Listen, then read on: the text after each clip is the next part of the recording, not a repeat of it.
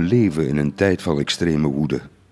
Als je niet woest bent over een tweet van president Trump of een van zijn krasse uitspraken, dan ben je meteen een lafaard, een excuuszoeker of een apathisch watje met een lakse houding.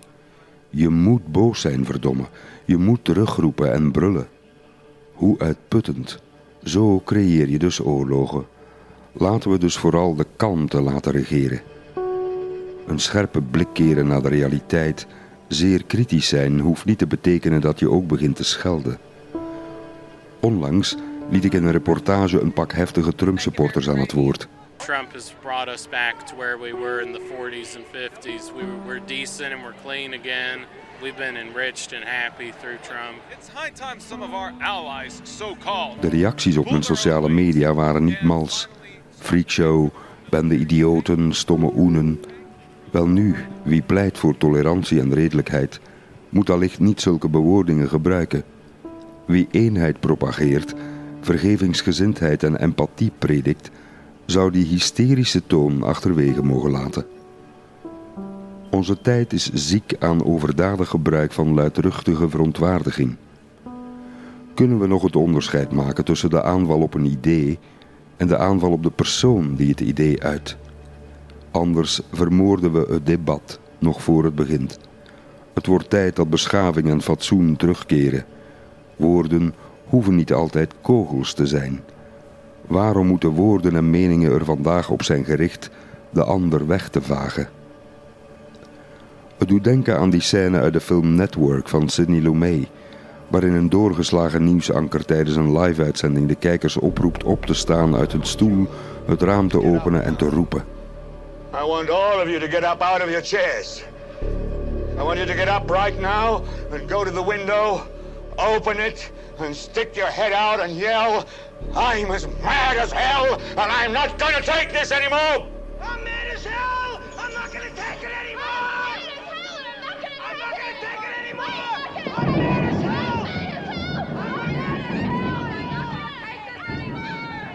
hell! De media in Washington doen alsof ze een agenda propageren van progressieve ideeën en maatschappelijke vooruitgang. Maar hun agenda is vooral groen, de kleur van de dollar. Het gaat om een verdienmodel. Daarom lijkt een deel van de pers er ook vaak op uit om de boel op te stoken. Het is altijd voor of tegen, winnaar of verliezer, topper of flopper, zwart of wit, goed of kwaad. Wat mij brengt bij de rol van de druk bekeken kabelnieuwsuitzendingen op Fox, MSNBC en CNN. De pers houdt danig van Trumps gespuug en het entertainmentgehalte daarvan. De president vecht graag en de pers smult ervan als hij vecht. Elke tweet wordt breed uitgesmeerd en urenlang bediscussieerd.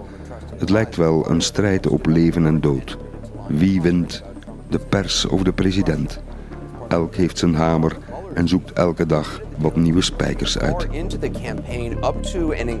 Pers en politiek hebben elkaar nodig. Ze zijn intens afhankelijk van elkaar. Trump en CNN leven van elkaar, voeden elkaar, parasiteren op elkaar. Op elke slag van Trump wordt een zak zout gelegd. Elke aanval op de president maakt van hem een slachtoffer en zo wordt hij nog sterker. Bijna op elke Trump-rally zie je de bordjes omhoog gaan en de bijhorende leuze die wordt gescandeerd. CNN sucks. Weg met CNN. Voor de aanwezige journalisten op zo'n rally is dat een akelige ervaring. Zelf was ik in oktober in Houston, Texas, in de Toyota Arena met 18.000 toeschouwers. Een stadion tot een nok toegevuld met de rode Trumpetten. Trump zelf haalde het geregeld aan in zijn toespraak. Overal is er fake news, nepnieuws. De pers valt uw president aan. De media zijn de vijanden van het volk. Het afleveren van een bompakket door een Trump-fan op het regionale hoofdkwartier van CNN in New York eind oktober bevestigde de diepste angsten van journalisten. De media liggen onder vuur. Heeft de president gelijk om zo tekeer te gaan tegen CNN? Sowieso leven we in een tijd waarin fulmineren tegen de pers bon ton is. Maar is CNN zelf wel altijd oké? You guys are obsessed with Trump. Did Did you used to date him? Because you pretend like you hate him, but I think you love him. I think what no one in this room wants to admit is that Trump has helped all of you. He's helped you sell your papers and your books and your TV. You helped create this monster and now you're profiting off of him. Michelle Wolf, stand-up comedian op het Witte Huis correspondentendiner dit jaar. Stiekem vindt Trump het heerlijk om gebashed te worden. Allemaal welgekomen aandacht. Any publicity is good publicity, right? Ik schreef het al eerder. Waarom besteden nieuwszenders honderden uren zendtijd meer aan pornoster Stormy Daniels dan aan de oorlog in Syrië? Er gebeurt zoveel dat smeekt om een verslag. Maar in de plaats daarvan gaat het 24 uur aan één stuk door over zowat drie onderwerpen: Trump, Rusland en Hillary Clinton. Er is iets rot in de wereld van de kabelnieuws-tv-journalistiek. Neem nu het perszaaltje van Sarah Huckabee Sanders en de begeerde hardpass voor het Witte Huis. Laat het toch uit. Daar wordt alleen propaganda verspreid en voorgekoude kost de wereld ingestuurd. Feiten worden er verbrand en verdraaid. Vraag en antwoord zijn een hol ritueel geworden. Wat kan de journalistiek doen in zo'n Orwelliaans ministerie van waarheid? Een rechtszaak van CNN, gesteund ook door Fox News, om de belaagde CNN-journalist Jim Acosta zijn toegangspasje terug te bezorgen, zal de kwaliteit van de journalistiek heus niet de hoogte instuwen. In Vanity Fair van december 2018 schrijft Joe Pompeo dat CNN is uitgegroeid tot een platform om de nationale psychose waarin Amerika zich bevindt 24/7 te beleven: het presidentschap van Donald J. Trump. Jeff Zucker is het brein achter het succes van CNN. 53 jaar oud en net hersteld van een zware ingreep aan het hart. Zucker maakte van CNN een non-stop platform voor en over Trump-strapatsen en alle mediahysterie die daarbij hoort. Zucker is nu vijf jaar CEO bij CNN. Voorheen deelde hij de lakens uit bij het concurrent NBC. Ook daar maakte hij Trump groot met de tv-hit The Apprentice. De show maakte Trump nog beroemder dan hij al was. Het kijkcijferkanon was een ideaal lanceerplatform voor het presidentschap. You're fired werd een beruchte Amerikaanse Trump-kreet.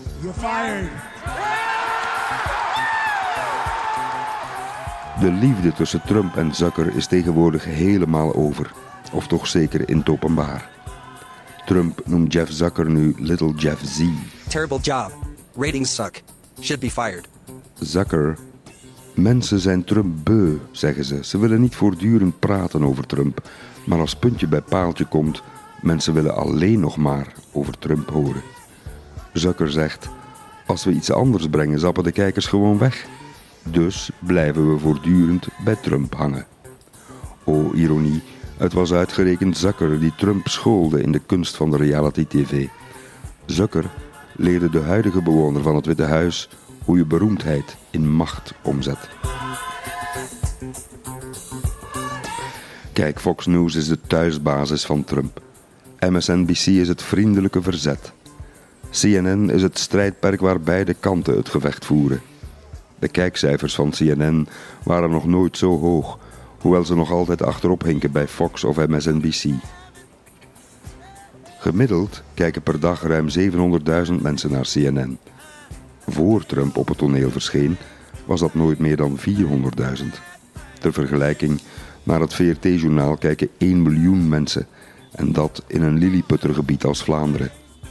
In Amerika is het medialandschap dan ook onvoorstelbaar versnipperd ruim 700 zenders. Ooit was dat anders. Er was een tijd dat het televisienieuws een bindmiddel was voor Amerikanen. Maar met de komst van kabelzenders zoals CNN en Fox einde jaren 80 van de vorige eeuw veranderde alles. Het traditionele tv-nieuws moest plots afrekenen met allerhande concurrenten, sexy concurrenten Gesteld voor de keus tussen een ingewikkeld item over de Palestijnse kwestie of babes in bikini in Baywatch, was de keus snel gemaakt. Om kijkers terug te winnen gingen nieuwsmakers hun uitzendingen opleuken.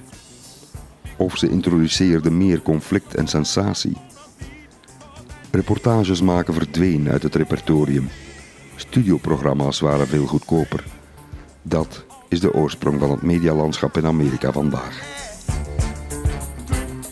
CNN maakt carrières en persoonlijkheden. Sommigen voeren hun PR via CNN, zoals de advocaat van pornoster Stormy Daniels, Michael Avenatti. Hij verscheen de afgelopen drie maanden meer dan 100 keer op CNN. Avenatti dacht er zelfs even aan om zelf president te worden. Zijn platform? CNN. Maar sinds hij werd opgepakt na aantijgingen van huiselijk geweld, is zijn ster danig gedoofd. TV heeft hem gemaakt. TV heeft hem gekraakt. This is CNN. Het publiek van CNN is relatief oud, boven de 60. Toch beleeft de zender gouden tijden. Er is maar één verklaring. Donald J. Trump. CNN is nu overigens eigendom van telecomreus AT&T. Wie een telefoonabonnement heeft, kan live kijken naar CNN op de smartphone. CNN onder Zucker heeft ook nieuwe succesproducten gelanceerd. TV-series zoals het bejubelde Parts Unknown van de intussen betreurde Anthony Bourdain. Sinds Trump zijn kandidatuur voor het presidentschap aankondigde in juni 2015, heeft CNN van Donald Trump de spil gemaakt van al zijn journalistiek. Trump Nieuws is de centrale as van CNN's businessmodel. Zoals oudbaas Les Moonves van CBS vrij snel zei toen Trump op weg leek naar een stunt in de presidentscampagne. Trump is slecht voor het land, maar een zegen voor de kijkcijfers. De strategie van CNN is een klinkend succes. CNN zal dit jaar wellicht recordwinsten draaien van 1,2 miljard dollar op een inkomen van 2,5 miljard. Het is het meest succesvolle jaar van CNN ooit. Voor Trump-supporters is het helder. CNN is het ultieme bewijs dat de journalistiek vooringenomen is. Neemt u zelf eens de proef op de som. Kijk eens een paar dagen na elkaar naar CNN. Het is geen fraai beeld. Toen Trump waarschuwde voor de migrantenkaravaan vanuit Honduras, zei de ankervrouw van CNN meteen een nieuw dieptepunt voor Trump. Zeker toen de president onterecht de Democraten de schuld gaf voor de migrantenstroom. Bij zulke gelegenheden wordt bij CNN meteen een hele studio gevuld met commentatoren, vaak ook niet-journalisten. Zo zat Valerie Jarrett in de studio, oud-adviseur en vertrouwenspersoon van ex-president Obama. Geheel en al voorspelbaar haalde ze zwaar uit naar Trump. Ze ging flink tekeer tegen de president. Dat hij geen rolmodel was voor het land en dat jonge mensen hier een slecht voorbeeld kregen. De uren erna bleef de karavaan ongeveer het enige onderwerp op CNN. Ook in de druk bekeken show van ankerman Anderson Cooper. Cooper zei op antenne, zoals zo vaak rijgt de president de ene leugen aan de andere.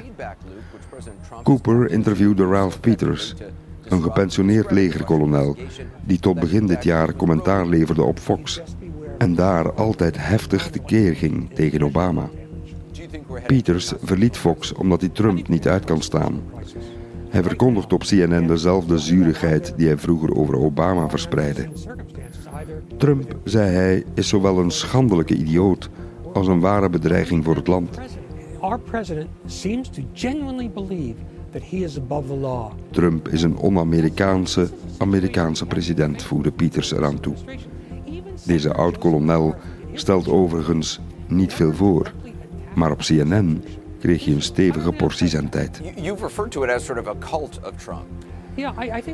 Toen Trump Jeff Sessions de laan uitstuurde als minister van Justitie, voerde CNN John Dean op als expert.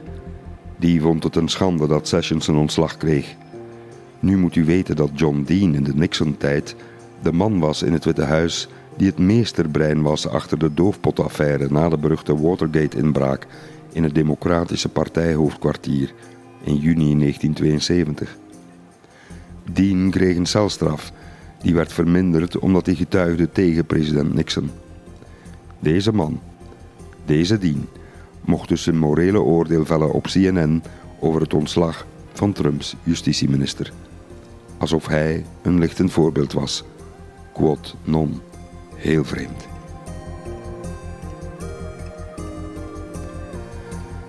Chris Cuomo, broer van de democratische gouverneur van New York en topanker van CNN, nodigde op 5 november de vooravond van de midterms Corey Lewandowski uit, voormalig campagnemanager van Donald Trump.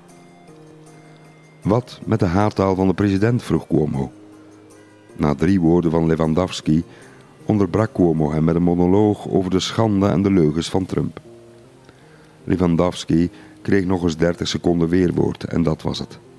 Altijd goed je hier te hebben, zei Cuomo. En hij ging prompt over naar het volgende onderwerp. Een schijnvertoning, zonder meer. Maar Lewandowski kloeg geen zins. Pundits, commentatoren op CNN worden flink betaald. Wie regelmatig zijn bijdrage levert, strijkt al vlug enkele tienduizenden dollars per jaar op. CNN maakt een denkfout. In plaats van sommige uitlatingen van de president te negeren, iemand moet toch de slimste zijn, breien ze er nog een megafoon aan. Trump plays them. Trump owns them, zei onderzoeksjournalist Seymour Hersh nog tegen mij. CNN kan en wil over niets anders praten dan over Trump. Trump is hun goudhaantje. Bij Fox aan de andere kant is dat net zo.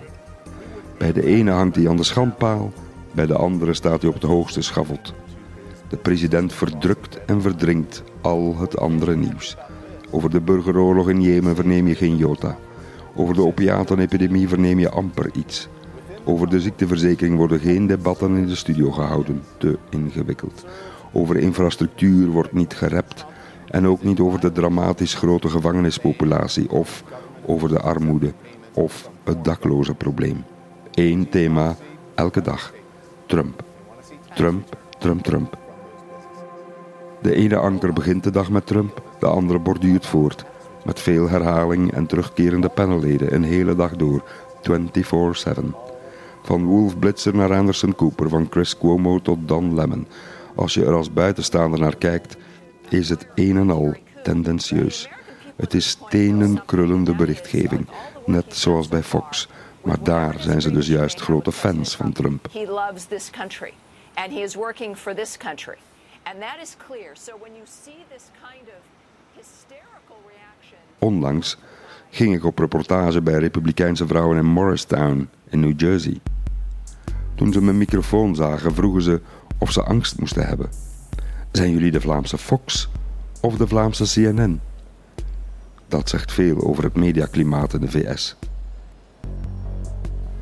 Misselijkmakend hoe het beeld over journalistiek totaal is vervormd. Maar als je avond aan avond kijkt, dan ben je verloren. Je spreekt of de taal van CNN, of MSNBC, of die van Fox. Ik zag Chris Cuomo tegen John Kasich, republikeinse ex-gouverneur van Ohio en tegenstander van Trump, zeggen: Bedankt dat u de president tegen de schenen durft te schoppen in mijn show. Altijd een waar genoegen u hier te hebben. Heel erg bedankt. Zo gaat dat hier dus.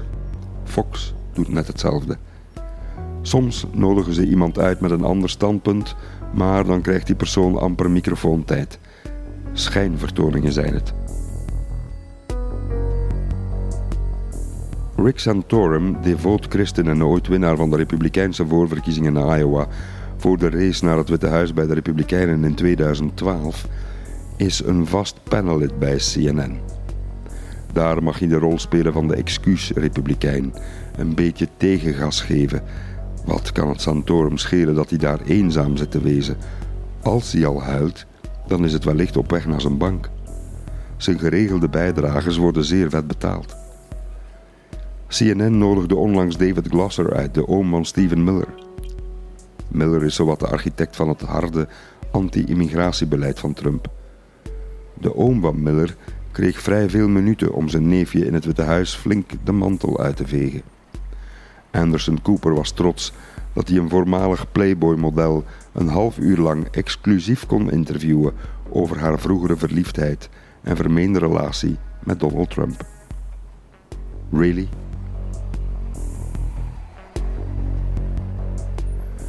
Bij CNN vraag je je vaak af: waarom gaan jullie niet een keer met gewone mensen praten? Waarom laten jullie de Amerikanen niet zelf aan het woord? Waarom doen jullie niet aan journalistiek zoals het hoort? Toon hoe het land echt is, hoe het werkt en soms niet werkt. Ankers komen bij CNN en bij Fox helaas pas buiten als er orkanen over het land trekken en ze kunnen tonen hoe hard ze bijna wegwaaien. Alles is spektakel. Enkel spektakel. CNN blaast nogthans graag moreel hoog van de toren.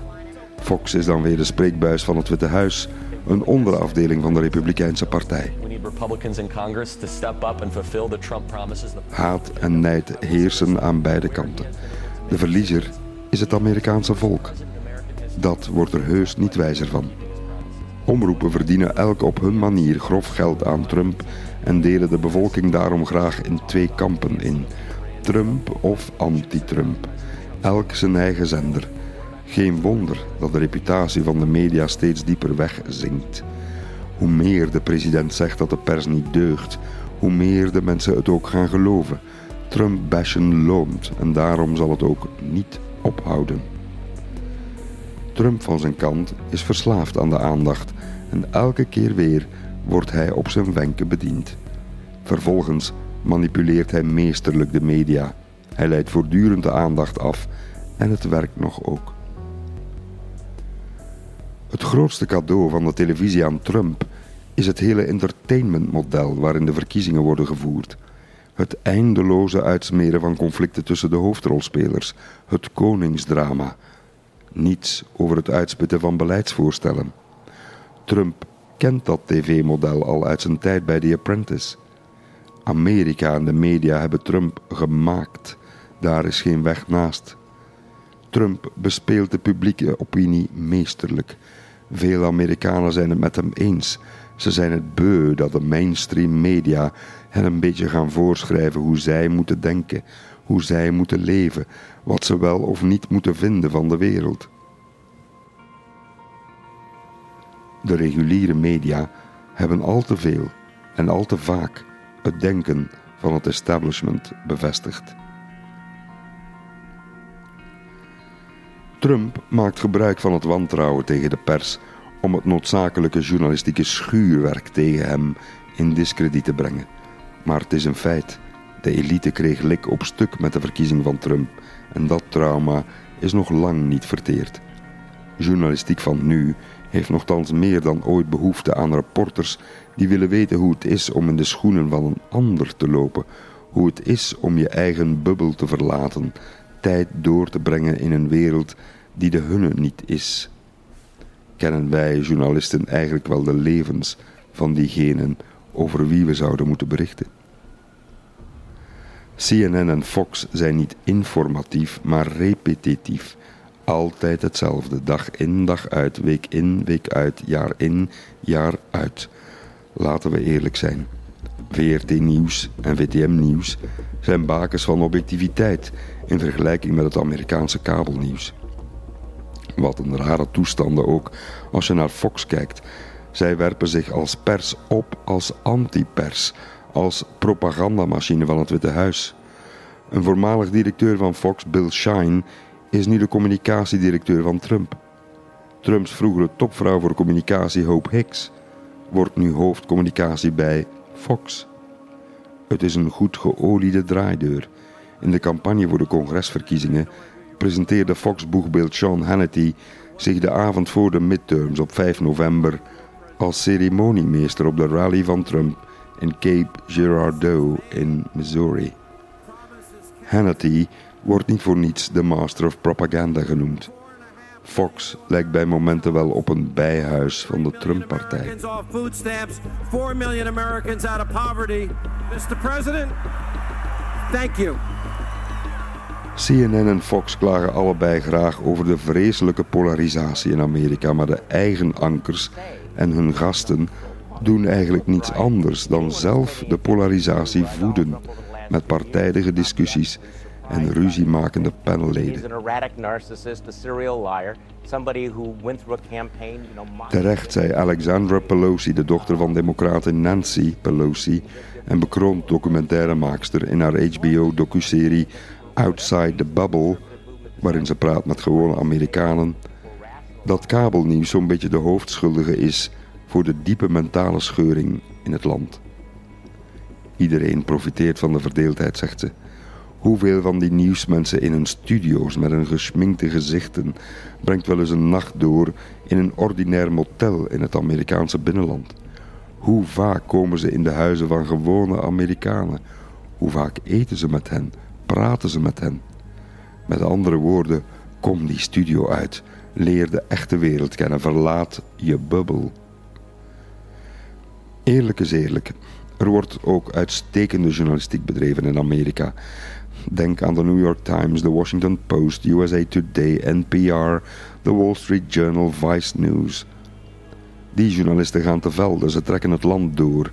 Maar helaas benadrukken ook zij al te vaak de stem van de woordvoerders, de politici en hun consulenten, de peilingen, wie het meeste geld ophaalt, wie voorligt, wie achterop hinkt.